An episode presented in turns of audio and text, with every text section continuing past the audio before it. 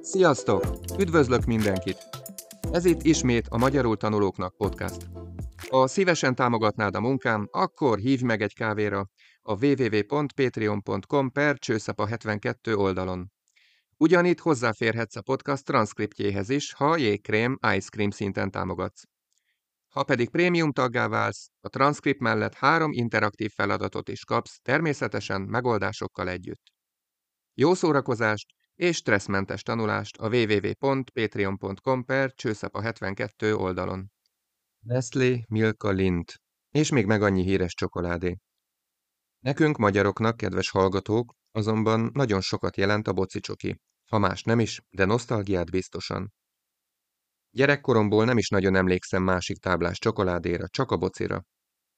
A boci csoki és még jó néhány társa, mint például a szerencsi csokik, amelyeken várak szerepeltek és kb. 10x5 cm nagyságban voltak kaphatók, vagy a macskanyelv és a cicás kakaópor, meg annyi édes emlék sokak számára.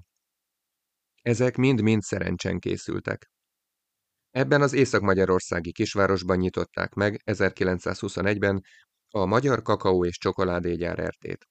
Pár évvel később a gyár előtt ingyen osztogatták a csokoládét az arra járó embereknek. Jó kis reklámfogás volt ez a 20-as években. Nem sokkal ezután vált igazán sikeressé az üzem, főleg az akkoriban kinevezett új igazgatónak, Lichti Frigyesnek köszönhetően. A céget a Stümer, a Magyar Cukoripari RT és az ugyancsak hírneves Hangya Szövetkezet alapították. Lichti svájci származású szakember volt, nem véletlen, hogy hamarosan korszerű gépeket és szakembereket hozatott Németországból. A gyárban is többnyire német szakmunkások dolgoztak, és ők tanították befokozatosan a magyar alkalmazottakat. Kotányi Imre csokoládé formázó mester már Budapestről került szerencsre.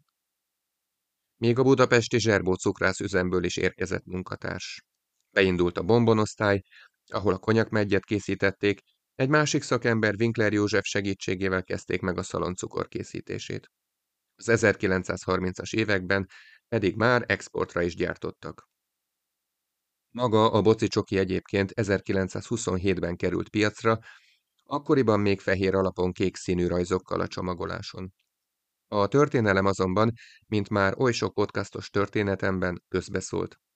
1944-ben a visszavonuló németek magukkal akarták vinni a gyárgépeit. Ezt maga Lichti Frigyes akadályozta meg, sőt, a gyár felrobbantását is meg kellett gátolnia, mivel a németek végül a megsemmisítés mellett döntöttek. A hitleri csapatok gyors távozása után a bevonuló szovjet hadsereg vezetőjével ugyancsak Lichtinek kellett tárgyalni. Abban állapodtak meg, hogy a szerencsi üzem gyárt édességet a szovjet katonák számára. 1948 az államosítás éve volt. Megkezdődött a Rákosi diktatúra, viszont a cég Szerencsi Édesipari Vállalat néven folytathatta tevékenységét. 1973-ban már 2400 dolgozója volt és 18 ezer tonna árut termelt. Bővült az áruválaszték is. A Kádár korszak emblematikus édességévé vált a bocicsoki. Az újabb nagy törést a rendszerváltás jelentette 1989-ben, illetve az azt követő privatizáció. 1991-től a svájci Nestlé tulajdonában van a gyár. 2004-től a táblás csoki gyártását a cég kihelyezte Csehországba. A ma is kapható boci csoki pedig már nem úgy néz ki, mint az eredeti. A csomagolásról eltűnt a boci feje csengettyűvel, alapvetően a sötétzöld szín dominál, és csak utalás van a bocira, egy barna színű boci fejsziluettel. Sokkal többféle ízben létezik, mint annak idején, és jelenleg a magyar értéktár termékei közé tartozik ami tulajdonképp az előszobája a hungarikumoknak. Még egy érdeke érdekességet szeretnék megemlíteni. Talán nem is gondolnátok, micsoda szigor, fegyelem és rend van egy ilyen csokoládégyár területén.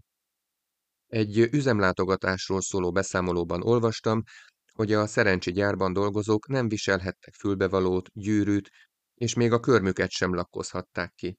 Ennyire vigyáztak, hogy nehogy a csoki masszába pottyanjon, vagy a drazsé közé kerüljön, bármilyen ékszer, bizsú vagy lakdarabka. A gyár szlogenje, miszerint az élethez kell egy kis szerencsi, nagyon szellemes. A Nestlé Hungária Kft. egyébként átadta a Szerencsi Bonbon Kft. részére a Szerencsi védjegy használati jogát 2018-ban. A védjegy oltalma alatt csak ez a cég forgalmazhat édesipari termékeket, ezért a Szerencsi Bonbon Kft. lett a Szerencsi csokoládégyártás hagyományainak kizárólagos örököse. Itt tart napjainkban ez a történet. Az pedig egészen biztos, hogy akár lila, akár zöld vagy barna egy tehén, a csokoládé fincsi, és hozzájárul a boldogságunkhoz. Mára ennyi volt, kedves hallgatók.